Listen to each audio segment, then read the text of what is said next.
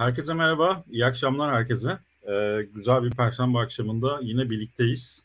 Ee, bu arada Amit Hocam e, çok yoğun bir katılım var etkinliğe. Kayıtlar ciddi manada çok fazlaydı. Ee, bilginiz olsun. Ee, bu etkinliğimizin konusu Metaverse özelinde e, Metaverse ve eğitim ilişkisi üzerinde konuşacağız. E, Metaverse bildiğiniz üzere genellikle televizyondan falan baktığımız kadarıyla insanlarımız şöyle biliyor işte arsa satılıyor. Biri bir yerden arsa alıyor. Hatta arsayı sahibinden koma koymuş. Oradan satmaya çalışıyor vesaire. İnsanımız da tedirgin Hamit Hocam. Şu yüzden tedirgin benim gördüğüm kadarıyla. Zamanında Bitcoin vesaire ilk çıktığı zaman kimse çok fazla dahil olmadı. Dahil olanlar aldı yürüdü gitti. Acaba diyor Metaverse'de de bir şey mi kaçıracağım şeklinde böyle bir insanlarda da şey var. Hafif bir korku var benim gördüğüm kadarıyla. E, tabii biz bugün Metaverse konusunu işleyeceğiz ama e, Metaverse özelinde eğitimle ilgili konuyu da çok detaylı olarak işlemiş olacağız. E, hocam hoş geldiniz. Sizi bir tanıyalım öncelikle isterseniz. E, hoş bulduk. Ben kısa özet geçeyim. E, emekli subayım ama 25 yıl oldu ordudan ayrılalı. Daha sonraki hayatım büyük bölümü reklamcılık, film yapımcılığıyla geçti. Tetik 1453 sinema film yapımcısıyız. Fakat son 8-10 yılımızda bu sanal gerçeklik teknolojileriyle ilgili hardware geliştirme, sanal gerçeklik simülatörleri geliştirme ve üretme ee, ve son 5-6 yılımızda içerik üretimiyle geçti. Yani Metaverse'de içerik üretimi, e, mekatronik mühendisliği gibi e, birçok alanda Metaverse oluşturulan alt alanlarda çok ciddi bir deneyim kazandık 25 yıl içerisinde. Evet. Şimdi Mark Zuckerberg bu Metaverse kavramını kullanınca biliyorsunuz birden popüler oldu. Fakat bizim 10 yıl önceki stratejilerimiz de vardı. Bugünlerin geleceğini zaten bekliyorduk. Dolayısıyla da bugün sağ olsun eş dost bize soruyor bu Metaverse nedir diye. Yıllardır çünkü ne yaptığımızı anlam veremiyorlardı. E, değişik değişik konularla uğraşıyormuşuz gibi geliyordu. Yine e, Mark Zuckerberg'e teşekkür ediyorum. Kendimizi anlatabilme imkanını yaratmış oldu. Bu Metaverse ile ilgili e, şu anda üniversitelerde falan geçen gün 3-4 gün önce 15 üniversitenin dahil olduğu bir konferans verdim. Onun öncesinde 33 tane profesöre geçen bir Metaverse anlattım. Tabii bu toplantılarda şunu görüyorum. Metaverse bizim de dediğimiz gibi e, çok e, şeyde anlaşılıyor. Herkes e, dar bir anlamda e, arsa satışı gibi algılıyor ya da coin uğraşan biri varsa onun coin tarafıyla uğraşıyor gibi. Herkes kendi uzmanlığının en yakın olduğu tarafıyla algılıyor Metaverse'de. Şimdi inşallah bugün detaylıca konuşacağız. Ee, sorular da kabul edebiliriz. Vakit uygun olduğu sürece. Toplantı süremiz ne kadardır? Bununla ilgili belirlediğiniz bir... Yani, 40-45 e, dakika falan ortalama aslında. Ee, ama e, baktık sorular çok geliyor. E, sorulara yani belli bir süre sonra zaten bitiriyoruz sorularımız bittiğinden dolayı. E, daha sonra soru cevaplamaya geçebiliyoruz ama istediğiniz zaman da tabii ki şey yapabiliriz, kesebiliriz.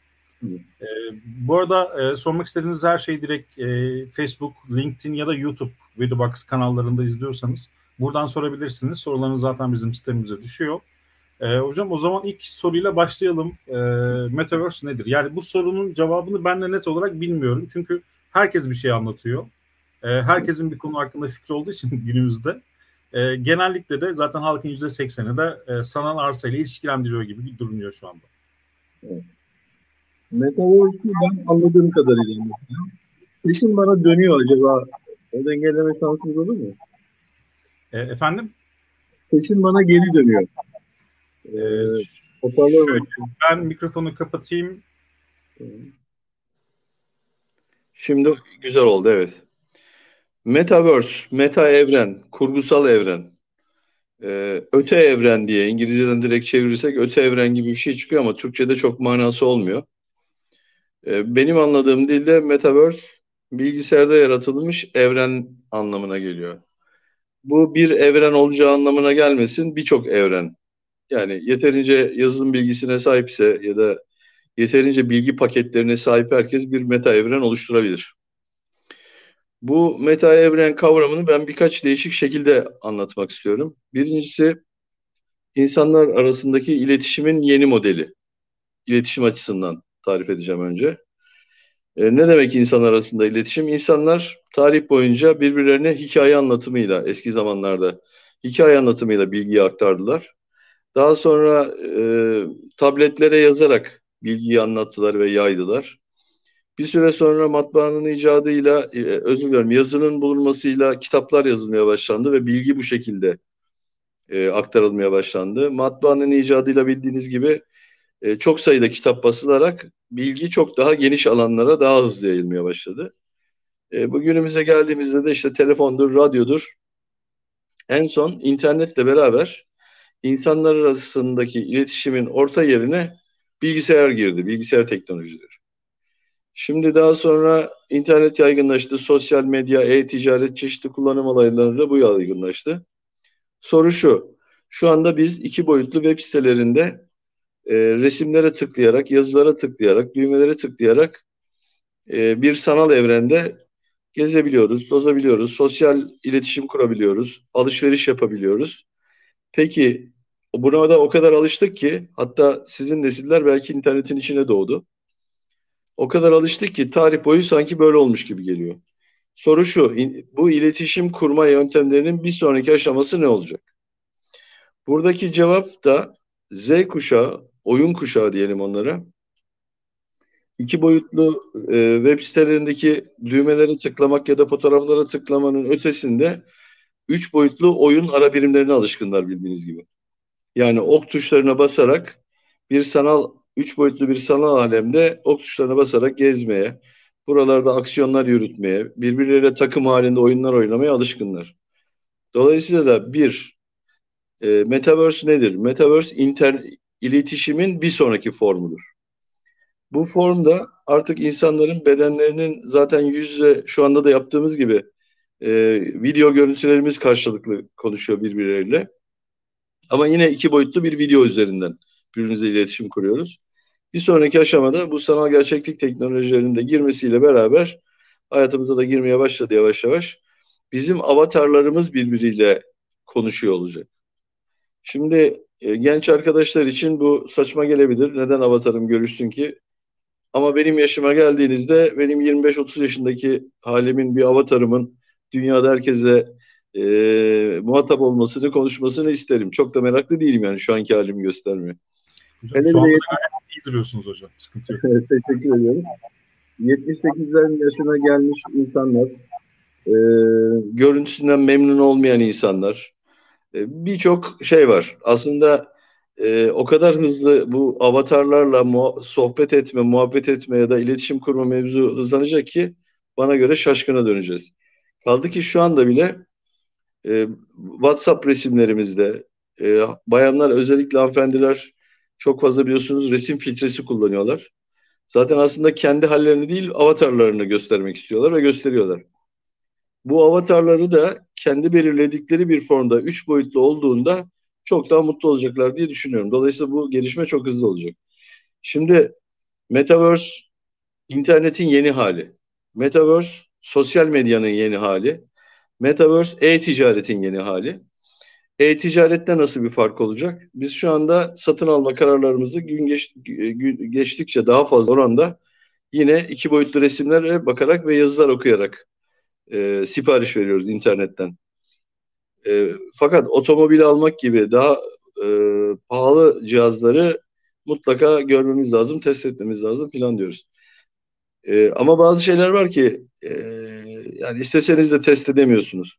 Metaverse bize üç boyutlu bir alemde e, satın almak istediğimiz her türlü ürünü A görme, B 360 derece görme, C e, inceleyebilme yani fonksiyonlarını kap, e, kapakları varsa açılan kapılan şeylerini ya da düğmeye basarak çalıştırma ya da bir otomobil alıyorsanız aynı bir bilgisayar oyunu oynar gibi otobüsü otomobili kullanarak test etme şansını bile verecek. Çünkü animasyon teknolojileriyle yazılım teknolojilerinin bir araya geldiği nokta aslında metaverse teknolojileri dediğimiz şey. Dolayısıyla çok fazla uzatmak istemiyorum. Metaverse bugün gördüğümüz sanal alemin yeni formunun adı. Burada fark ne bugünkü dünyadan, internet dünyasından, sanal dünyadan? Şöyle farklar var. Metaverse kavramından önce sanal alem diyorduk. Sanal alemde sosyalleşiyoruz, e-ticaret yapıyoruz, alışveriş yapıyoruz. Fakat sonradan çıkan teknolojiler var internetten sonra. Mesela sanal gerçeklik teknolojisi. Mesela artırılmış gerçeklik teknolojisi. Blockchain teknolojisi. E, coin, e, token yani dijital para teknolojileri, NFT, nesnelerin interneti diye bir kavram çıktı. Artık her makinenin birbiriyle internet üzerinden bağlı olduğu bir dünya. Metaverse kelimesi e, daha önce algıladığımız biçimiyle internet ve sosyal e, sanal dünya e, kavramlarının açıklayamadığı ve içine alamadığı bu yeni teknolojileri de içine alan teknolojinin adı bile. Şimdi bir meta evren, metaverse demeyelim, meta evren diyelim, kurgusal evren diyelim, bilgisayarda yaratılmış evren diyelim. Bir evren yarattığınızda iki boyutlu internet sitelerinin çok ötesinde oyun teknolojilerinin, blockchain teknolojisinin, yapay zekanın, nesnelerin internetin, sanal gerçeklik teknolojisinin de bütün avantajlarını her biri belli avantajlarla geldi. Kullanabileceğiniz yeni alem. Belki ee, çok uzatmış olabilirim konuşmayı. Çok özetleyecek olursak tekrar diyorum. İnternetin yeni hali, 3 boyutlu ve 360 derece hali, sosyal medyanın yeni hali, e-ticaretin yeni hali. Bundan evet. Web 3 de diyorum biliyorsunuz. Benim evet. tarifim böyle. Evet. Artık normal ürünler satılırken Metaverse Ready halleri de satılacak gibi görüyorum ben. Örnek veriyorum bir ayakkabı aldınız. Bu ayakkabıyı aynı zamanda Metaverse'de de kullanabilirsiniz. Şuradan indirebilirsiniz gibi bir durum oluşuyor gördüğüm kadarıyla. Metaverse ticaret e, iki boyutlu olacak. Şu anda biliyorsunuz e, gençler, çocuklar oyunda bilgisayar oyunlarının içerisinde dijital aset satın alıyorlar. Mesela oyun oynuyor, bir yere tıkanıyor, zırh satın alıyor, atıyorum 10 dolar para veriyor.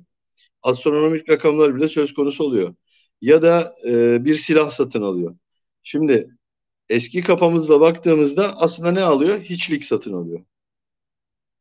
Fakat tatmin noktasına gelmiş oyundaki dar e, alana geldiğinde sıkıştığında çözüm olacaksa o stresten kurtulmak için parayı basıyor ve dijital aset satın alıyor. Şimdi Metaverse'de de ticaret şöyle olacak. Ee, istersek bir ürünün dijital aset halini, istersek fiziksel aset halini satın alabileceğiz. Yani ben bir otomobili, Porsche'u gerçek hayatta belki yakıt zamlarından dolayı param yetişmeyebilir. Ee, ya da çok yakan bir aracı, e, yakıt tüketen bir aracı. Ama sanal alemde avatarımın Porsche kullanılmasını isteyebilirim. E tabi burada maliyetler de ona göre düşük olacak. Dolayısıyla soyut e, bir tane dostumun soyut şeyler ekonomisi diye bir tanımlaması vardı. Soyut şeyler ekonomisi. E, bir metaverse hem dijital asetleri hem fiziksel asetleri satın alabileceğiniz yeni bir yepyeni bir dünya sunuyor. Yani bu ikisini birleştiren yepyeni bir dünya sunuyor. Selim Bey'in programıydı sanırım. Evet. E, soyut şeyler ekonomisi hatırlıyorum. Evet. E, eskiden şey vardı. E, Metin 2 oyununu bilirsiniz. Çok çok eskiden. Yani evet. öyle bir oyun vardı. E, o soyut şeyler çalınıyordu o oyunda. Dava konusu olunuyordu. Hatta geçen gün denk geldim. Çok eski bir haber kanalı. İşte bilmem şu kadar zarara uğradı diye şey yapmış. Program yapmış. Instagram'da önüme düştü. E, kameranın karşısında işte CRT monitör, Pentium falan böyle bilgisayar. Çok eski bir video. Ee, kızcağız anlatıyor işte şu kadar itemin vardı da e, çalındı falan davacıyım falan diyor yani. Aslında biz zaten sizin de söylemiş olduğunuz gibi bu tür satın alımları e, yapıyorduk aslında bir dönemde. Şimdi burada ben şöyle bir e, açıklama e, açıklık getirmek istiyorum. Para nedir? Ya da değer nedir? Ya da hiçlik dediğimiz şey nedir? Şimdi bu son dijital dünyadaki bu coinler ve tokenlar, dijital para bize paranın fiziksel bir karşılığı olmasa da olacağını gösterdi. Yani ben bile artık bu yaşıma geldim daha yeni yeni algılamaya başlıyorum. Bu para nedir, değer nedir? E biz hep altına bağlı ya da bağlı olmayan bir dolar ya da işte dünyada dolaşan geçerli para birimlerini biliyorduk. O kağıdı çok değerli bir şey sanıyorduk. Fakat şimdi anlıyoruz ki aslında arkasında fiziksel herhangi bir şey olmayan bir şey bile değer kabul edilebiliyor. Peki o zaman bu değer kabul etme nedir? Nasıl oluyor? Ben şunu anladım. Ee, insanların bir şeyin değerli olması olduğuna inanması yetiyor. O şeyi değerli yapıyor. Yani biraz önce bahsettiğiniz gibi coin almadık, fırsat kaçırdık. Şimdi arsa almazsak fırsat kaçırır mıyız? Aslında arsa dediğimiz şey de bir coin. Yani sadece burada bir arsa görseli karşılığı var. Yine hiçlik. Demek ki insan psikolojisi, toplum psikolojisi. Toplum bir şeyi değerli kabul ettiğinde bu bir taş da olabilir. Kaldı ki birçok örnekleri var. Kutsal kabul edilen taşlar ya da aşırı pahalı kabul edilen taşlar. Bazı arkadaşlar diyor ki nadir olması bir şeyin değerlidir diyor. Hiç katılmıyorum. Yani nadir olmayan çok şey de değerli olabiliyor. Ya da başkalarına hiçbir şey ifade etmeyen bir şey sizin için çok değerli olabilir. O zaman bu metaverse ve dijital aset satışları meselesini şöyle algılayalım. Biz yıllarca ekonomide her şeyin ihtiyaç kelimesiyle başladığını düşünüyorduk. Fakat yanılmışız. Fırsat kaçırıyorumla başlıyormuş meğerse. Yani bir şeyin fırsat olduğuna toplum inandığında o fırsat haline geliyor.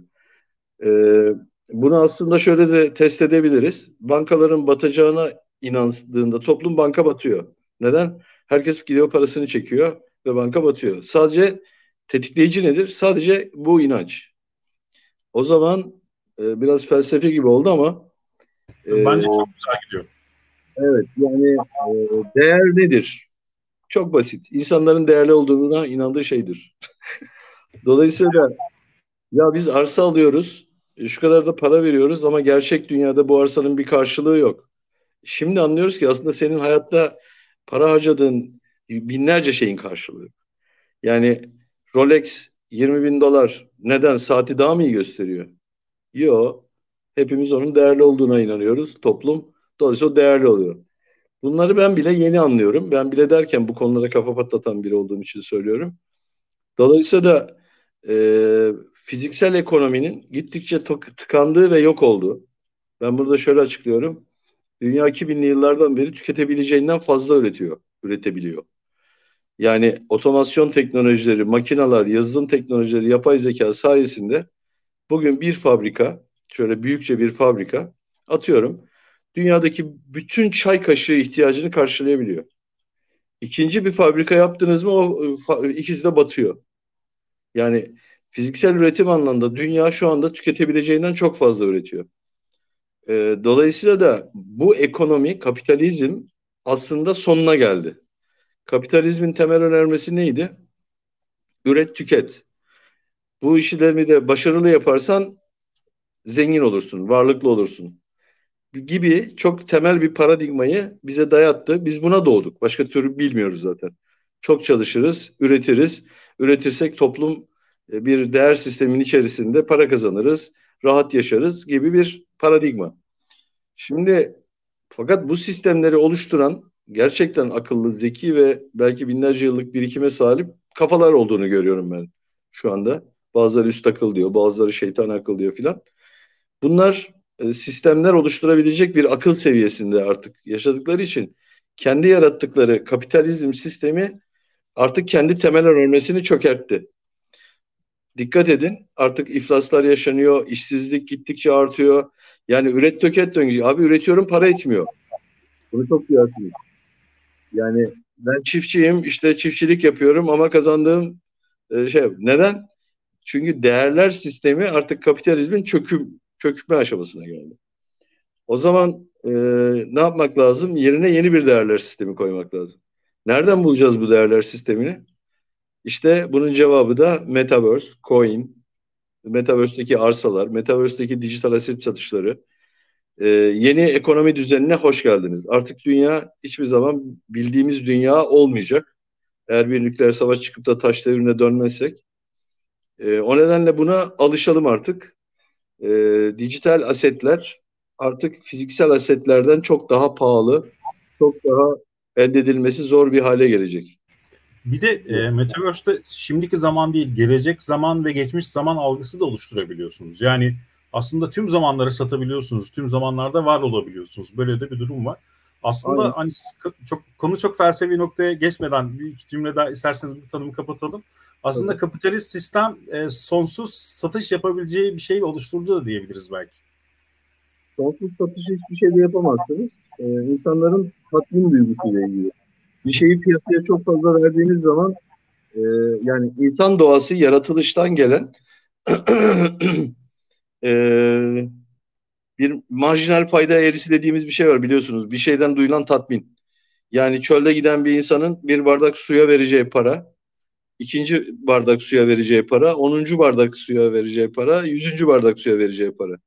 Yüzüncü bardağı önüne koyduğunuzda artık ona para vermez. Tatmin bitmiştir. Yani e, susuzluk duygusu geçtiği anda şey azalmaya başlar. Dolayısıyla da e, temel e, önerme şu, hiçbir zaman insanların e, sonsuz tatmin duyamadığı için insan yaratılışı itibariyle e, sonsuz sayıda şey satamayacak. Kapitalizmin yeni formu bize. Orada da yine dengeler gözetmek zorunda, beklentiler yaratmak zorunda, spekülasyonlar yapmak zorunda. Yani bugün aslında borsada yaşadığımız bir şey yine dijital asetlerde de olacak. Şöyle düşünün, bir oyun üreticisi zırh ihtiyacı 10 tane diyelim ama 100 e, tane piyasaya zırh sürdü. Zırhın fiyatı düşecektir. Yani temel ekonominin işleyişinin dışında bir şey değil dijital ekonomide. Şimdi diğer e, bu arada e, donduğunu düşünen, e, donduğunu belirten LinkedIn kullanıcılarımız var, izleyicilerimiz. E, şey yapabilirsiniz, direkt LinkedIn'de sayfa altında ben YouTube'daki canlı yayın linkini de paylaştım. E, isterseniz YouTube'a da e, şey yapabilirsiniz, e, geçebilirsiniz. E, hocam o zaman asıl konumuza, e, Metaverse'ı çok güzel açıkladığınız asıl konumuza e, geçebiliriz. E, Metaverse eğitim ilişkisi başladı mı şu anda? Ya da nasıl başlayacak, nasıl adapte olacak toplum buna? Aslında e, Metaverse eğitim ilişkisini ben şöyle kademeli anlatmak istiyorum. Ee, öğrenme dediğimiz şey nedir? Bizim bugünkü paradigmamıza göre ve gördüğümüz dünyada bir okul vardır, bir sınıf vardır. Sınıflara gireriz. Bir tahta ya da e, akıllı tahta vardır. Bir hoca gelir, bu konuda bilgili olduğuna kabul, farz ve kabul ettiğimiz diyelim. E, bu kişi bize bir şeyi anlatır. Biz de o andaki psikolojimize göre, konunun ne kadar ilgimizi çektiğine göre, belli kriterlere göre bu bilgiyi not alırız. Bir kısmını zihnimize yazarız, bir kısmını not alırız. Fakat bu eğitim paradigması uzun süre önce çöktü. Neden çöktü? Çünkü hocalarımız e, eğitimcilerimize sorduğumuzda e, diyorlar ki bir çocuk öğrendiği bilginin yüzde doksanını birkaç gün içinde unutuyor. Geri kalan yüzde beşini işte şu kadar zamanda unutuyor. E, ben bunu ilk duyduğumda kanım dondu. Neden kanım dondu? Demek ki biz 15 yılı çocuklarımızı okutuyoruz. Biz de okuduk.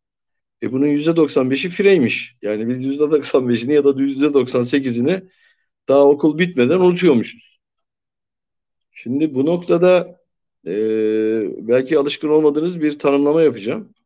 Hiçbir endüstri dünyada %90 falan fireyi kabul edemez.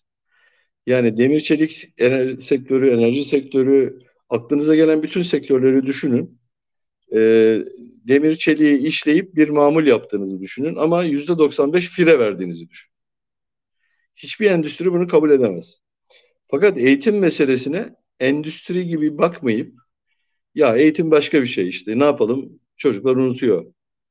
Ee, çocuklar unutuyor da çocuklar bazı bilgileri hiç unutmuyor. Yani şu sorunun sorulması lazım. İnsan beyni datayı ne şekilde alırsa unutmuyor. Yani derin hafızaya yazıyor. Mi? Buradan da yola çıkıp unutmayacakları eğitimleri ya da unutmayacaklarıdaki unutmayacakları miktardaki eğitimleri hayatta kullanılabilir bilgi, bilgi formuna çevrilmiş halde vermeliyiz demek.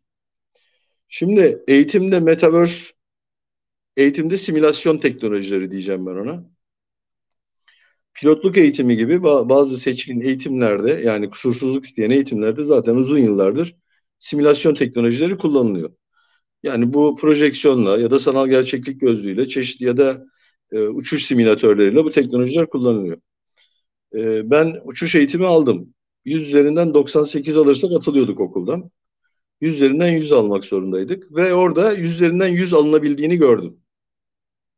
Şimdi bunu bir kenara koyalım. Ama okullarımızda klasik anlamda 100 üzerinden 50 alıp geçiyoruz. 10 üzerinden 5 alıp geçiyoruz. Ama gerçek hayat hiçbir zaman bizi mesela siz yaptığınız işi yüzde elli yaptığınızı düşünün. Ne olur? Yani e peki o zaman beni neden 100 üzerinden 50, 10 üzerinden 5 alıp geçmeye şartlandıran bir eğitim sistemine çalışıyorum ki. Kaldı ki öbür tarafta 100 üzerinden 100 alınabildiğini kanıtlayan başka eğitim sistemleri var. Bunun da temelinde simülasyonla eğitim.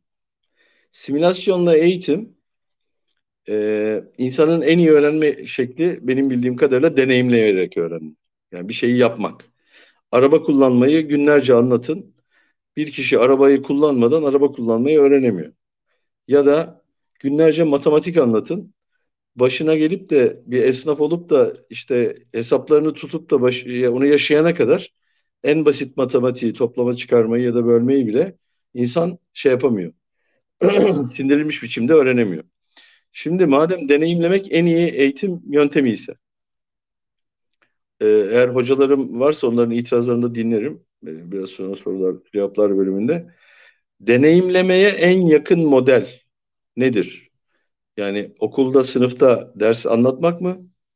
Bugün geldiğimiz noktada sanal gerçeklik teknolojileri, metaverse teknolojileri, diğer alt teknolojiler e, öyle bir paketlenebiliyor ki hardware teknolojileri entegre edilerek artık simülasyonla eğitim sadece çok pahalı 100-150 bin dolarlık, 500 bin dolarlık uçuş simülatörleri değil, çok daha ucuz fiyatlarla ilkokul, ortaokul, lise ve üniversitede çocuklarımızın eğitiminde kullanılabilecek hale geldi. Dolayısıyla Metaverse bunun üst başlığı. Yani Metaverse'ün altına siz simülasyonla eğitim diye tanımlayalım onu. Ne demek simülasyon? Bir meta evren var. Bu meta evrende benim avatarım e, bir şeyi öğrenecek. Orada da onu öğretecek birisi var. Yani Udemy'deki gibi mesela. E, ona ulaşmam, ondan eğitim almam, bana öğrettiği şeyin eğer o meta evrenin içinde simülasyon yazılımı da var ise ayrıca hazırlanması gerekir. Onu simüle ederek yaşamam. Mesela bir örnekten gideceğim. Bir üniversitenin rektörü bana bir gün dedi ki biz dedi ameliyathane hemşiresi yetiştiriyoruz. Fakat hiç staja gönderemiyoruz. Hem çok pahalı hem de staj imkanı yok dedi. Bir ameliyathane yazılımı yapabilir misiniz dedi. Değil mi? Enteresan bir istek. Dedik ki yapabiliriz. Sanal gerçeklik teknolojisiyle ameliyathaneye girer. Orada yapacağı her şey neticede prosedürlerden oluşuyor, adımlardan oluşuyor. Bu evet. adımları defalarca tekrar ettirebiliriz. Hatta yazılım onu imtihan da edebilir. O bunu yapalım filan. Daha o zaman bunu konuştuğumuzda 3 yıl önceydi. Çok algılamıyorlardı ama herhalde artık yavaş yavaş algılamaya başlamışlardır. Fiziksel dünyada çocuklara, gençlere biz hayatta karşılaşacakları şeyleri deneyimlettiremiyoruz. Mesela e, ehliyet alacak bir kardeşimizi düşünelim. 18 yaşına gelmiş. Ehliyet kursuna gidiyor. Ehliyet kursunda da gitmeden bir yazılım indirse, bir araba yarışı oyunu gibi, trafiği anlatan, araba kullanmayı anlatan. Bir de bununla ilgili basit bir hardware önüne koysak muhtemelen arabanın başına geçtiğinde çok kısa sürede hareketleri otomatikleştiği için ona beyin kas koordinasyonu diyoruz. E, beyin kas koordinasyonu tekrarla gelişiyor. Şimdi bir arabanın içine bindirip onu imtihan edip hayatını riske atmak yerine, hocasını ve kendisine hayatını riske atmak yerine evinde yüzlerce kere tekrar edip gelip imtihana girip tak diye geçebilir. O kadar çok örneği var ki bunun simülasyonla eğitim. Ya da bir yat kaptanı, ya da bir transatlantik kaptanı, ya da bir tanker kaptanı. Şimdi mesela böyle bir tanker kaptanını eğiteceğiz diyelim. Ee, dev bir tankeri limana yanaştırmak, limandan ayırmak. İzlediğim belgeselden söylüyorum. Denizciliği çok bildiğimden değil. Ve dünyadaki bütün limanlara, Şangay limanına nasıl yanaşacaksın, nasıl ayrılacaksın? Oradaki e, boğazdan girerken teknenin altı e, suyun derinliği nedir? Gemi nereden geçer? Hangi rotadan geçer? Şey yapar. E bunu basit bir simülasyon yazılımıyla, çok karmaşık bile olmayan bir simülasyon yazılımıyla yüzlerce tekrar ettirebilirsiniz yüzlerce kere. Ve simülasyonun da e, şöyle bir artısı var. Simülasyon, simülasyon yazılımında bulunan hataları da her gelen usta eleştireceği için yani eğitilen kişiler ve eğiten kişiler eleştireceği için gittikçe mükemmelleşecektir. Biz bir süre sonra bakacaksınız dünyanın en iyi e, kaptan eğitim şeyi bir yapay zeka bir yazılım o. Askeri zaten e, askeri sistemler simülasyonu çok aktif derece kullanıyor değil mi hocam? Şu an. Evet. Zaten. Neden kullanıyor? iki hata affetmiyor. Yani insan hayatı bir jet pilotu, bir F-16 pilotu e, kusursuz olmak zorunda. Hata affetmiyor. Çok karmaşıktır. Yani sadece bir joystick'te 27 tane fonksiyon olan e, bir cihazdan bahsediyoruz. Hele F-35'leri falan düşünemiyorum. Gerçi onlarda daha çok bilgisayar kontrolü var. Şimdi e, devlet e, bir uçağın kaybıyla ortaya çıkacak pilota yapılan yatırım, pilotun hayatı artı o uçağa yapılan yatırım topladığınızda belki 50 milyon dolar. E bu 50 milyon doları riske atmaktansa diyor ki ben e, bir harcama yapayım, 35 bin dolarlık simülatörleri alayım, bunu kusursuz eğiteyim. Demek ki kusursuz eğitmek istediğimizde metotlar belli aslında. Ve bu metotlar tahtada anlatma metodu değil. Simülasyon metodu yani simüle ederek, deneyimlettirerek öğretme. E bugün sanal gerçeklik teknolojisi ve bilgisayarların yaygınlığına ve e, işlemci güçlerine baktığımızda artık simülasyon teknolojilerinin hayatın eğitimin her zerresine gireceğini hızlıca düşünüyoruz. Tabii bu bir şart bağlı olarak söylüyorum. E, binlerce yazılımı birilerinin hazırlaması gerekiyor. Ve bu süreç başladı. Evet. Ve Peki bu hocam her biri bir meta evrenin altında çalışıyor olacaklar. Peki şu anda dünyada e, eğitim odaklı yani normal şeyden bahsediyorum hani ilk öğrenim e, sürecinden, üniversite sürecinden bahsediyorum. E, eğitim odaklı bir metaverse kullanımı başladı mı şu anda? Şu anda bütün dünya e, deneysel aşamada. Yani yüzlerce startup şirket bu konuları konuşuyor. Bu konularla yazılımlar hazırlıyor. Ön, ön duyurularını yapanlar var. E, beta ürünlerini çıkaranlar var. Süreç başladı, bir yarış başladı. Burada en hızlı üretimi yapanlar öne geçecekler. Ve geçmişteki diğer teknolojilerde olduğu gibi değil. Bu sefer fırsat eşitliği var. Bizde inanılmaz sayıda değerli yazılımcı kardeşimiz var. E, bilgisayar sorunu da yok. Herkes iyi kötü bir bilgisayar alabiliyor. Dolayısıyla da Türkiye şu anda uyanırsa hızlıca dünyanın en büyük eğitim içerikleri üreticisi haline gelebilir. Ankara'da Gazi Üniversitesi'nin bu konuyla ilgili çalıştığını biliyorum mesela. Ön çalışma falan yapılıyor bildiğim kadarıyla. Evet şöyle e, birçok okulda var e, çalışmalar. Fakat e, çok yeterli düzeyde değil benim bildiklerim en azından. Sebebi şu, animasyon ve görsel teknolojilerde çok ileri düzeyde olunması gerekiyor. Türkiye bu konuda oldukça zayıf dünyada. Yani şöyle düşüneyim, söyleyeyim. Bir konuya öğretmek için örnek abartı olacak ama Avatar'ın dünyası gibi bir dünya yaratmak gerekecek. Şimdi o estetik değerde ve o teknik değerde bir e, e, dünya, bir e, meta evren yaratamıyoruz henüz şu anda. Bu konuda yetişmiş insan kaynağı yok Türkiye'de. Var olanlar da hemen zaten Londra'daki ya da Amerika'daki ya da Los Angeles'taki bir oyun stüdyosuna hemen transfer oluyor. Yani izliyor musunuz bilmiyorum. İnanılmaz bir şekilde bu alanda göç, beyin göçü var. Beyin göçü var zaten az adam yetişiyor. Bir de onlar da gidiyor. Dolayısıyla da e, o noktada e, üniversitelerimizin ve diğer okullarımızın başarılı olabilmesi için hem estetik açıdan hem teknik açıdan hem kalite açısından hem yazılım tarafında hem görsel tarafında çok güçlü bir halde olmaları gerekiyor. Yani o nedenle benim gördüğüm çalışmaların hepsi e, tabirimi ma- maruz göster. Hepsi demeyeyim benim gördüklerimin çoğu low level işler. Yani e, yani avatar seyretmeye alışmış kitlelere, gençlere e, idare eder bir içerikle oyalayamazsınız. Onun başına geçiremezsiniz ve kullandıramazsınız. Zorla. Şimdi akşama kadar PUBG oynuyor. Fortnite oynuyor. Yani televizyonda olmadığımız için rahat rahat şeyleri telaffuz ediyorum. E, Avatar filmi seyrediyor, Matrix seyrediyor, bilmem ne. Yani e, Transformers seyrediyor. Şimdi bu çocuğa low level bir kaliteye sahip bir eğitim içeriğiyle e, kafasına e, tabiri caizse iteleyerek hadi bakalım oğlum bak eğitim alacaksın diye onu kullandıramazsınız. Bu tarafta... Bir, şey vardı hocam böyle birkaç kere böyle gördüm. Metaverse'ün böyle hani 4-5 ay öncesine kadar diyeyim böyle şirketlerin Metaverse kutlamaları, Metaverse buluşmaları falan var böyle. Ama şey gibi yani e, SimCity 1'in animasyonu gibi bir ortam. İnsanlar bir araya gelip birbirleriyle konuşuyorlardı. Bu ısrarla söylüyorum. Bu değişim süreci başladı. Ama bütün dünya şu anda erken aşamada. Ne demek erken aşama? Deneysel. Yani herkes aslında bu alemi keşfetmek için yapıyor. Ya şöyle bir örnek vereyim. Ee, sanal gerçeklik gözlüğü var ya Oculus'un çok meşhur Quest. Şimdi Quest 2. Neden bu adamlar reklam yapmıyor sizce? Mesela televizyon reklamlarında Oculus Quest e, ya da bilmem HTC Vive ya da e, X firmanın sanal gerçeklik reklamını gördünüz mü? Şu anda göremezsiniz. Neden? Çünkü erken aşama. Yani henüz hardware'ler de yazılımlar da oturmadı. E, tam bir ihtiyacın karşılığını karşılayacak hale gelmedi. Deneysel aşamada.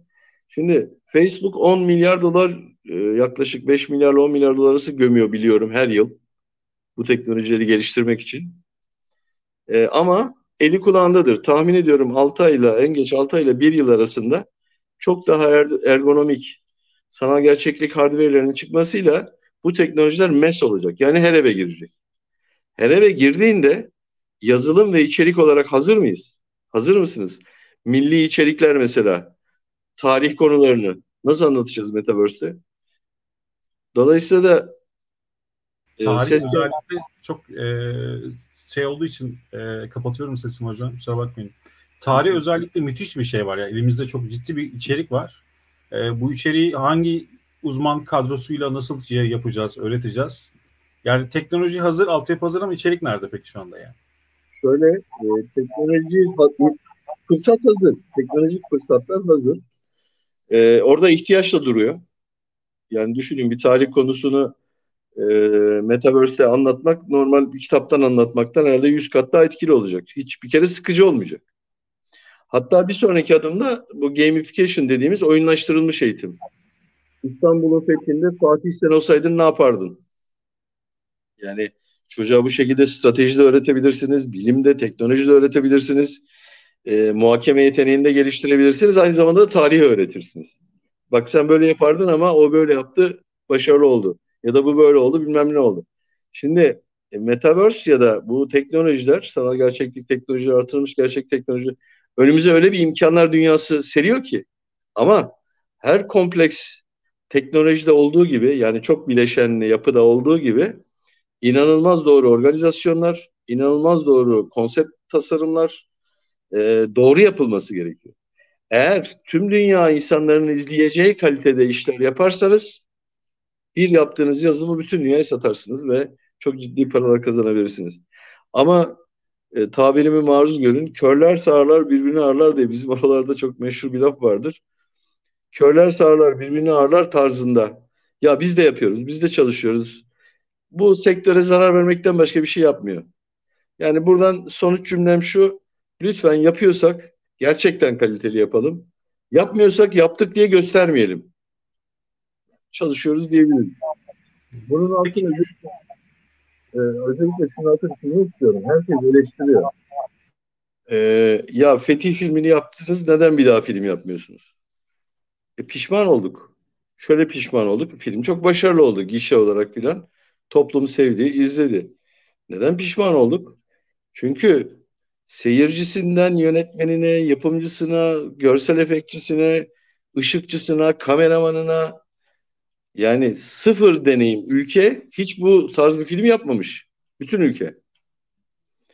Ve bu tarz filmler e, sanattan çok gerçekten teknoloji ve bilgi isteyen işler. Yani kompleks mühendislik işi aslında. Nereden biliyoruz mühendislik işi olduğunu? E, Hollywood sürekli yapabiliyor bu kalitede işleri. Ya her seferinde sanat olamaz. Demek ki bu paylaşılabilen, var olan bir bilgi.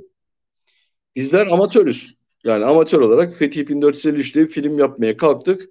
Bir miktar başardık, bir miktar başaramadık ama e, toplum o kadar açmış ki e, artık böyle Amerikan tarzı görselliği olan film ya biz neden yapamıyoruz? Biz neden yapamıyoruz? E ben onu yaparken o filmin yapım aşamasında gördüm neden yapamadığımızı. Yani tamamen know-how eksikliği yani para pul eksikliği falan değil. Bilgimiz yok. Şimdi o tür bir filmin bütçesini yönetmek konusunda bile bir bilgimiz yok. O tür o çapta bir bütçe yönetmek konusunda. Şimdi e, şuraya geleceğim. Son tekrar toparlayayım. Bu metaverse konusu artık o kadar çok konuşulur oldu, o kadar çok e, dillenir oldu ki geçen büyük bir marka sanal gerçeklik showroom yapıyor ve açıklama şu metaverse yapıyoruz. Metaverse'e girdik filan. Aslında kendi ürünlerini satacağı bir mağaza yapıyor. Sanal gerçeklik mağaza. Ben onu öyle düzelteyim. E, Metaverse havalı bir kavram olduğu için şu anda e, hızla tüketiliyor. Yani, Yani bir evren oluştursaydı buna Metaverse diyebilirdik değil mi? Aynen. Kendine mağaza oluşturmak, metaverse'e girmek değil. meta evren oluşturmak. Yani çok daha geniş bir şeyden bahsediyoruz. E, dolayısıyla da e, herkes önüne gelip gelen herkes e, ben bunu birkaç ay önce arkadaşlara söylüyordum. Türklerin bir özelliği var. Bizim hemen bir konuyu alıp mahvetmek diyelim ona e, gibi bir özelliği var. Yani bu metaverse konusu hızla tüketilmezse çok sevinirim. Çünkü biz hemen tüketiyoruz. iki ay sonra aman sen de mi metaverse yapıyorsun diye insanlar konuşmaya başlayacaklar. inanın bana. Ve yine bir ülke bu ülke bir fırsatı kaçıracak. Yani çünkü hemen atlıyoruz sonra tukaka da yapıyoruz o kavramı. Ondan sonra da aman oluyoruz. Sonra geçiyor. O dalga geçtikten sonra heves dalgası batılı soru, serin kanlı bir şekilde yıllarca bu işleri planlıyor, yapıyor, ediyor ve sonuca ulaşıyor. Biz Akdeniz ülkesi iklimi psikolojisiyle ve duygularıyla hızlıca bir konuya giriyoruz. Sonra aman diyoruz, sıkılıyoruz.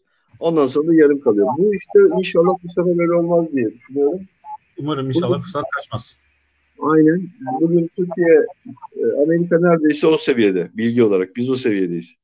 Ee, ama e, gerçekten kaliteli, gerçekten dünyadaki herkesin kullanmak isteyeceği eğitim yazılımlarını, eğitim içeriklerini diyelim. Çünkü sadece yazılım değil. Üretebilirsek bu Türkiye'nin önündeki bana göre son büyük fırsat. Petrol gibi bir şey. Yani petrolümüz yoksa, enerjimiz yoksa yazılım satalım. Eğitim yazılımları satalım. Ee, ben büyük alanın oyundan ziyade burada olduğunu görüyorum. Ekonomideki büyük fırsatın şu anda. Bu arada Mahmut Bey ağzınıza fikrinize sağlık Hamit Bey demiş. Biz de Mahmut Bey'e teşekkür ederiz katılımlarından dolayı. Ee, şimdi ben e, şey yaptım. Bir soru hazırlamıştım. Siz öyle anlattınız ki o soruyu şimdi geçeceğim. Bir saniye ekranda tutacağım. E, Metaverse öğrenmeyi zorlaştırıyorum sorusunu şu anda sormayacağım. Geçeceğim çünkü e, öğrenmeyi kolaylaştırdığını ispat ettiniz zaten. Anlattınız onu. E, şey sormak istiyorum. Son iki sorumuzdan biri kaldı bu arada. E, izleyicilerimiz de akıllarına takılan soruları e, sorabilirlerse süper olur. E, Metaverse üzerinden eğitim vermek isteyen bir okul, kurs ya da bir eğitmen hangi yollardan geçmeli? Yani ilk önce ne yapmalı? E, kendisi eğitim oluşturamıyorsa, e, eğitmenlik yapıyorsa sadece eğitim içeriğini mi satın almalı? Böyle basitçe bunu anlatmanız mümkün mü acaba? Şimdi Metaverse e, altında birçok teknoloji barındırıyor dedim ya. Oyun teknolojileri, blockchain teknolojisi, coin, NFT, Ama gerçek teknoloji falan. Ee, bir kere işin yazılım tarafında bir şirketin altından kalkacağı bir iş değil. Çok fazla yazılım paketi var altında. İşin görsel tarafında e, yine çok ileri düzey grafiklere sahip olmak gerekiyor. Bunun iki tane yolu var. Metaverse üzerinden eğitim vermek isteyen bir okul. Ee, biz bu konuda oldukça deneyimliyiz. Bizi arayabilirler diyeyim. Reklam yapmak istemiyorum ama gerçekten de gidecek çok fazla yer yok şu anda. Ee, bir meta evren önce oluşturmalı. O meta evrenin içinde eğittiği her konuyu simülasyon yazılımlarını oluşturmalı. Ee, gibi gibi bir yol haritası var. Bunun şöyle bir şeyi yok. Şöyle bir yazılımı hazır satın alın, Metaverse eğitim verin gibi bir direkt benim önerebileceğim bir durum yok. Peki ben hemen araya gireceğim. Kusura bakmayın. Şimdi e, bir tane lise düşünün. Bu meslek lisesi. Evet. E, kendi okulunun e, hatta okuldaki spor kulüplerinde spor oyunu yapılabileceği oyunu yani bahçesi falan olan e, sanalda bir okul oluşturup okulun içerisine sınıfları koyması örnek veriyorum makine öğrenimi varsa okulda hani makineyi şey olarak animasyon olarak insanların açabileceği vesaire derslerin de olması bu onların kendine bir metaverse oluşturduğu anlamına mı geliyor yoksa e, sadece bir okul mu orası? Yani metaverse sonsuz bir evren mi olmalı? Şimdi e, Metaverse'ü e, doğru anlamak açısından e, okul denen yapı bir çatı ve duvarlardan ve pencereden, kapılardan oluşan bir yapı fiziksel dünyanın bir ihtiyacıdır. Yağmur yağmasın, soğuk olmasın, kar yağmasın diye biz fiziksel dünyada böyle şeyler inşa ederiz. Meta evrende, metaverse'te böyle bir şeye ihtiyacınız yok. Burada hedef nedir? Torna meslek lisesinde torna mı öğreteceğiz? Torna kullanımı. Hiç ihtiyacımız yok yani. Phuket adasında bir ortam yaratıp orada sahilde de öğrenebilir bunu değil mi? Önüne bir tornayı koyarsınız. Tornanın nasıl çalıştıracağını direkt ellerini kullanarak meta ortamında direkt ellerini kullanarak dış ses ona der ki yapay zeka adım bir şunu yap, adım iki bunu yap, adım on bunu yap. Tek tek anlatabilir. Yaptırabilir. Öyle bir anlattınız ki e, İstanbul Boğazı'nı şu anda bu zamana kadar satın alan herkes şey oldu şu anda ciddi manada hayal kırıklığına uğramıştır yani. ben bunu şeyde de görüyorum. Mesela e, bir e, hocamız var, değerli bir hocamız. E, neredeyse tüm büyük fuar şirketlerine danışmanlık yapıyor.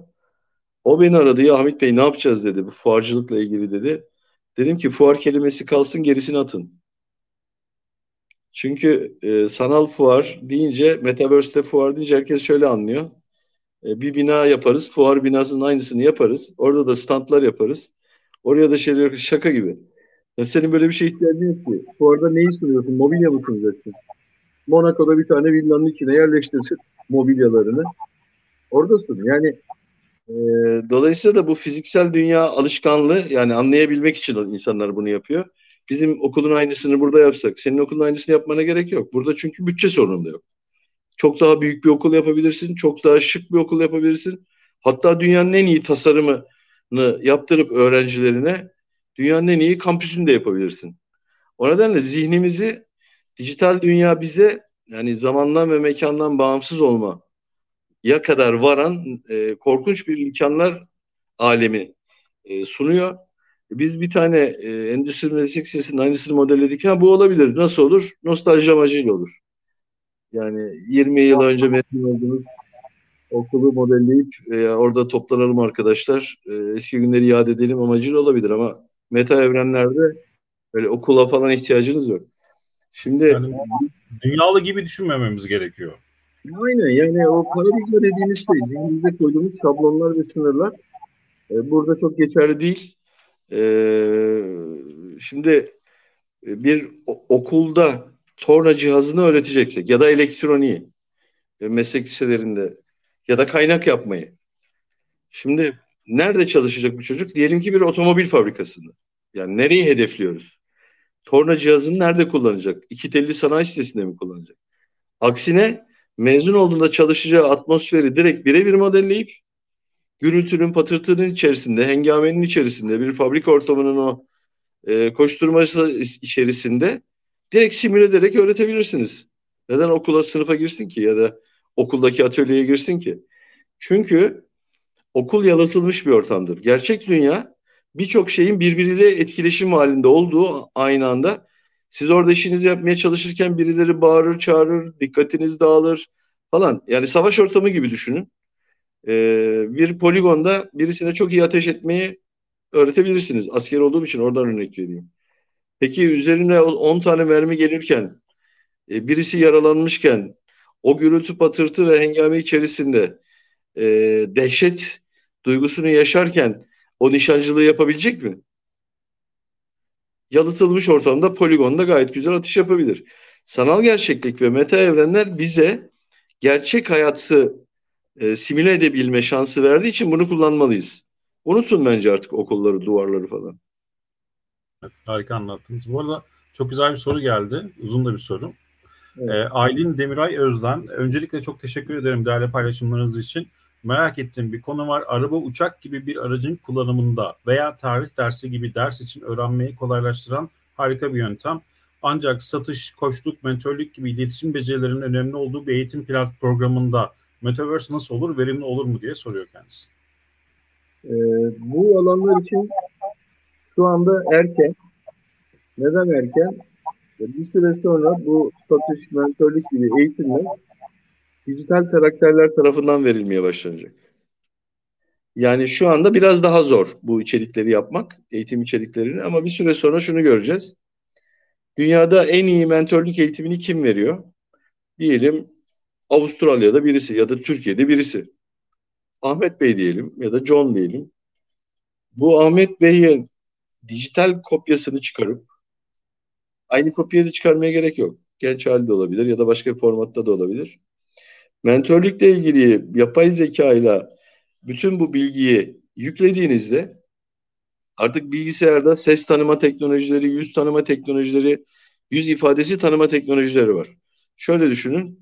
E, karşımda ben şu anda sizi görüyorum ya onun yerine bir dijital karakter olduğunu düşünün. Kamera vasıtasıyla benim yüz ifadelerimden duygularımı da algılayabildiğini düşünün. Sesimi de tanıyor. E, bakışımdaki şeyi de tanıyor, ifadeyi de tanıyor. Ben bir dijital karakterle iletişim kurarak bu eğitimleri alabilirim bir süre sonra. Bunun şartı ne? E, birisinin oturup bu yazılımı yapması gerekiyor. Ve ama bu yazılımı yaparsanız da direkt öne geçersiniz. Bu da bir yatırım konusu. Yani hocamın cevabı evet bu yapılabilir. Tamamen dijital karakterler, dijital bir karakter ya da yüz çeşit avatar arasından e, kişi istediği hocayı seçerek aslında arkada çalışan yapay zeka aynı. O eğitim alabilir. Bana bir çocuk anlatsın diyebilir.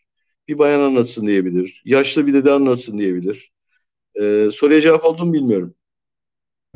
Teşekkür ederiz. Bu arada benim aklımda 2013 yapımı bir film var.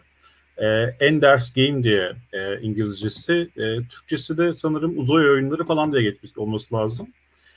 E, artık böyle uzay çağında vesaire bir bilim kurgu. E, bir grup genci yetiştiriyorlar ama simülasyonla yetiştiriyorlar bu grup genci. Sonra en başarısına bir tane savaşı yönettiriyorlar hocam. E, ve daha sonra e, bu simülasyonda karar vermesi gerekiyor çocuğun. Yani e, birilerini feda edecek, birilerini etmeyecek vesaire. E, daha sonra savaşı kazanıyor ve çocuğa şunu söylüyorlar. Sen gerçekten bir savaş yönettin. Yani evet. simülasyon sen gerçekten bir savaş yönettin dediler en sonunda çocuğa. Evet. Ve simülasyon zannediyormuş. Hep simülasyon üzerinden başarılı oldu ve en sonunda da bir tane savaş yönettiriyorlar ve kazanıyorlar. Ee, ilginç bir oyundu bu arada. İlginç şimdi, bir filmdi. Şimdi e, çok güzel bu e, söylediğiniz. Şimdi şöyle bir gerçeklik yaşıyoruz şu sıralar gündem. Ukrayna savaşı var. Ve Ukrayna savaşında ee, bizim SİHA'larımızın başında e, kontrol odasında oturan pilotlar joystickle oyun oynar rahatlığı içerisinde koskoca Rus ordusunun binlerce aracını yok etti. Değil mi? Bugün gerçekliği yaşıyoruz. Şimdi e, biz bu arkadaşları odayı kapatsaydık dışarıdan da haber gelmeseydi oyun oynadıklarını da düşündürebilirdik. Bu dediğin şey yaşanıyor şu anda. Bilim kurgu bir... bu yani... arada bu e, bir romanmış hocam. Yani e, bir romanmış. Eski e, roman ve 2013 yılında yani 1985'te bir çıkan bir roman ve 2013'te filmi çekiliyor bunun. Ve gerçekten çok etkilemişti. Metaverse köklerini e, 85 falan çok yeni zamanlar. Metaverse köklerini dinden alıyor, tasavvuftan alıyor. Yani bütün dinlerde bugünkü dünyanın, şu gördüğümüz dünyanın aslında bir görüntüde ibaret olduğunu, neredeyse bütün dinlerde bu bilgi var. Yani reenkarnasyon var mesela Budizm'de, Hinduizm'de. Ne demek? Doğmak yeniden gelmek, doğmak yeniden gelmek. Bir meta evren olursa ancak sen e, gidip gidip gelebilirsin değil mi? Yeniden dünyaya gelmek. Şimdi Kur'an-ı Kerim'de tam ayetin e, şeyini hatırlayamayacağım. E, affedin beni. E, bu gördüğünüz alem bir görüntüden ibarettir diyor açık açık. Görüntüdür diyor yani bu e, rüyalarımızdan biliyoruz. Başka 80 bin alemden bahsediliyor vesaire farklı farklı Öyle. alemlerden. Matrix filmi neyi anlatıyordu? Matrix 99. Yani diyordu ki sen bedenin aslında kavanozda yaşıyor. Senin o gördüğün New York gerçek değil diyor. Yani bilgisayarda yaratılmış bir simülasyondur diyor.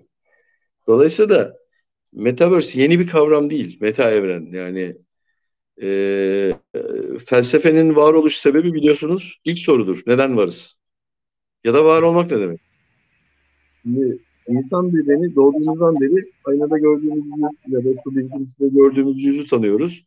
Var olmayı bu form olarak algılıyoruz. Fakat içimizden bir şey hep diyor ki ya bu olmamalı sadece. Yani kafamıza bir taş düştüğünde ya da elimize bir sopa değdiğinde kırıl, e, e, zarar görecek kadar kırılgan bir yapıyız insan vücudu dediğimiz şey.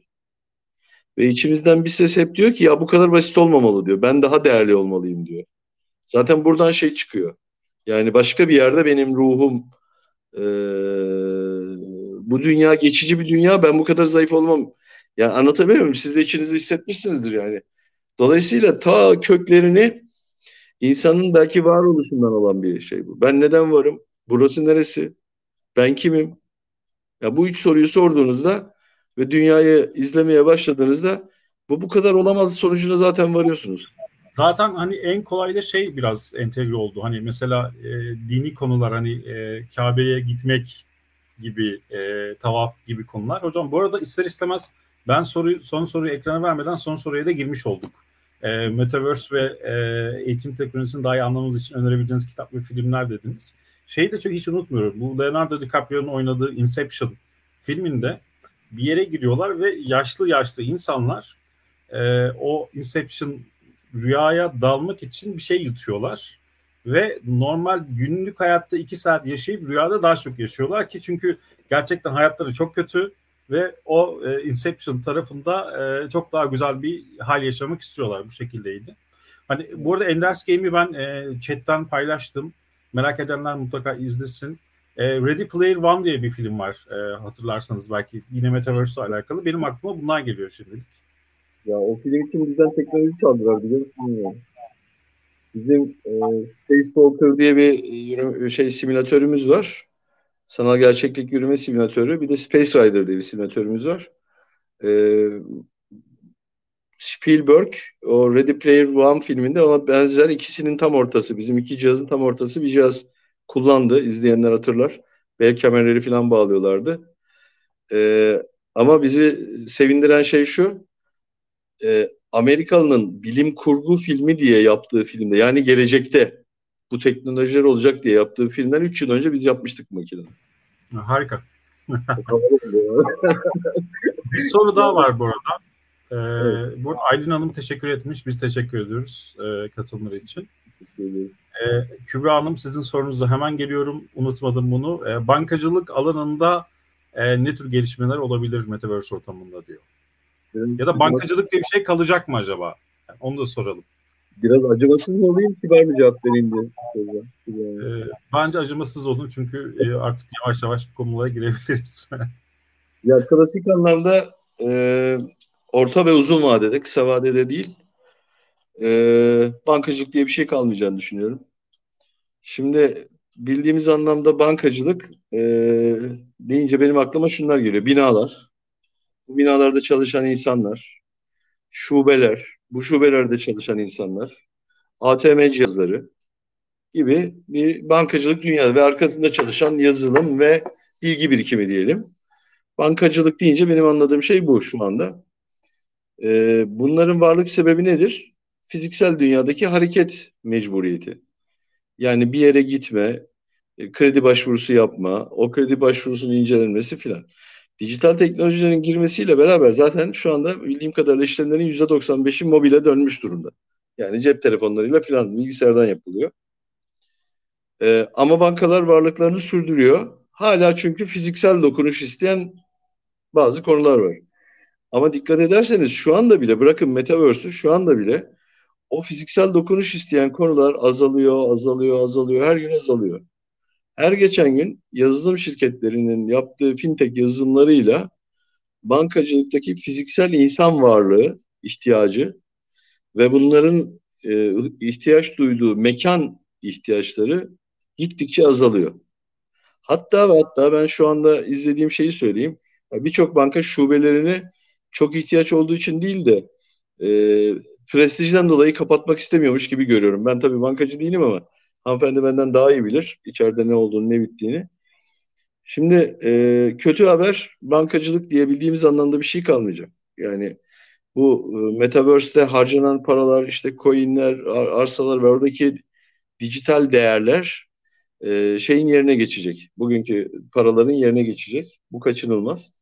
Bir. iki şu anda e, Amerika'da yeni mağazalar açıldı. Bildiğim kadarıyla Amazon Amazon açtı. E, bir mağazaya giriyorsunuz. Kasa yok. E, yüz tanıma sistemi yüzünüzden sizi tanıyor. Gidiyorsunuz raflardan istediğiniz şeyi alıyorsunuz. E, kameralar o raflardan aldığınız ürünleri de tanıyor ve fiyatlarını da tanıyor. Siz bildiğiniz elinizi kolunuzu sallayarak giriyorsunuz, alışveriş yapıyorsunuz, çıkıyorsunuz. Ne görevli var ne şey var. Kasa ve kasa benzeri cihazlar var. Şimdi bugün gelinen noktada insan yüzü tanıma, e, insanın e, yürüyüşünü tanıma, yürüyüşünü bile tanıyabilen yazılımlar var, analiz yazılımları. E, sistemleriyle bilgisayarlar entegre olduğunda zaten bir insan yolda yürürken kredibilitesinin ne olduğu, ne alabileceği, ne verebileceği zaten yazılımlar otomatik analiz yapabiliyor bunları. Hatta geçen bir arkadaşımla konuştum. Şu anda Belçika'da çalışıyor ama Türkiye'de o kadar gelişmiş bir yazılım yapmışlar ki her şeyi otomatikleştirmişler. Merhaba demeniz yetiyor. Sana şu kadar kredi veririz, vermeyiz. Sadece kredi açısından değil, para transferleri diyelim. Yani e, bunların hepsi artık yani e, o kadar az kaldı ki tamamen otomasyon, tamamen yazılım teknolojisine dönmesine.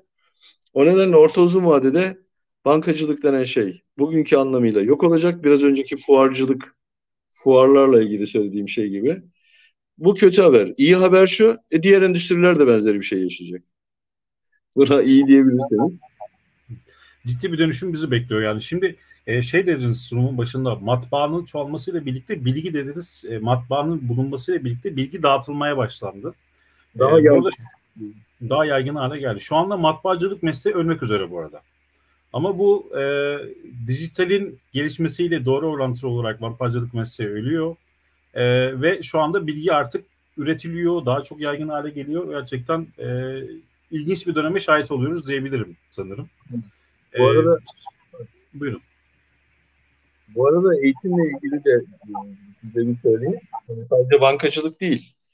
E, eğitim de gidecek. Çünkü eğitmeye ihtiyaç duymayacağız. Sebebi şu, tüm e, üretimi artık makineler yapmaya başladıkça dünyada karanlık fabrikalar diye bir kavram var biliyorsunuz. Bayağı uzun zamandır var. Hiç insanın olmadığı fabrikalar. Intel'in filan birçok mikro işlemci fabrikaları bu şekilde çalışıyor diye biliyorum. Üç tane mühendis sadece kontrol ediyor ama binlerce işçinin yapabileceği üretimi makineler, robotlar yapıyor. Otomobil fabrikaları hızla buna dönüyor.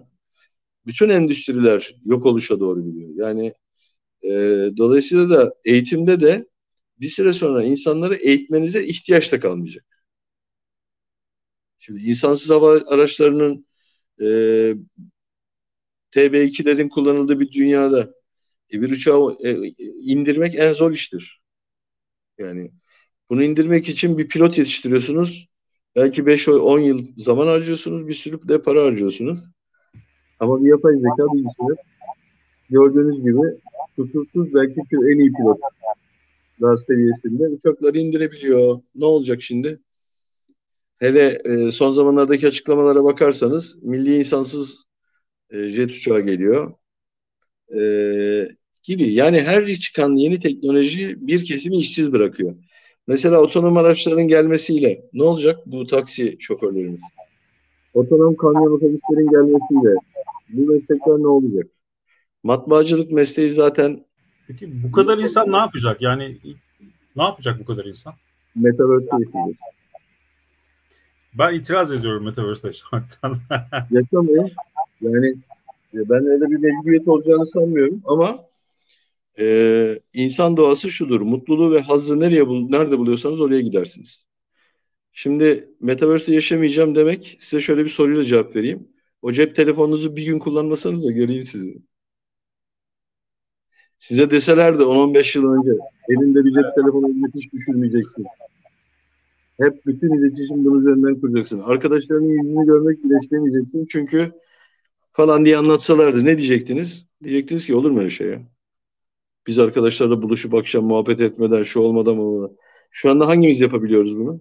Ya bu Metaverse kavramı aynı zamanda bu felsefi düşünceyi de geliştirecektir dünyada diye ben düşünüyorum. Çünkü e, her şey iç içe geçmiş durumda. Yani e, dinden tutun askeri şeylere kadar vesaire e, çok içe geçen bir durum var. Hatta biz bu konuları biraz daha toparlayıp ikinci bir şeyde yapabiliriz arzu ederseniz. Webinarda yapabiliriz. E, bu arada e, 1 saat 4 dakika olmuş. Ben de sizleri çok fazla değerli vaktinizi almak istemiyorum Ahmet Hocam. E, soruları olan varsa arkadaşlar mutlaka e, sorabilirler hızlı bir şekilde. E, yoksa zaten biliyorsunuz e, bu e, şu anda yapmış olduğumuz canlı yayını e, Vedubox'ın Facebook ve YouTube sayfasında tekrar izleyebilirsiniz. E, büyük ihtimal yarın da Google Podcast, e, Spotify ve e, Apple Podcast'lere eklenmiş olabilir. Yolda giderken de arabanızla dinleyebilirsiniz bu sohbeti, bu konuyu. Hocam çok teşekkür ediyorum. E, kapanış yapalım arzu ederseniz. Tamam. Ee, biraz acımasız olacağım. Metaverse teknolojileri, Metaverse'de yaşam, meta evrenlerde yaşam. Bana sorarsanız bununla ilgili de LinkedIn'de bir yazı yazmıştım. İnsanlığın yok oluşundan önceki son teknoloji. Yani insanın artık var olmak istemeyeceği, heyecan duyamayacağı muhtemelen bir aleme doğru gidiyoruz. Burada yanılabilirim. Eğer yanılıyorsam o zaman şu anda da Metaverse'de yaşıyoruz demektir. Gerçek dünya dediğimiz şey de bir meta evrendir.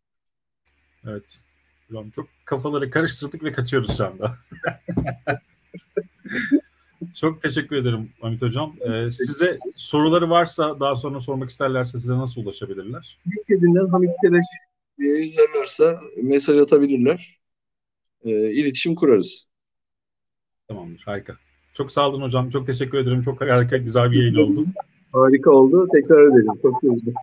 Tamam. Sağ olun. Teşekkürler. Hoşçakalın.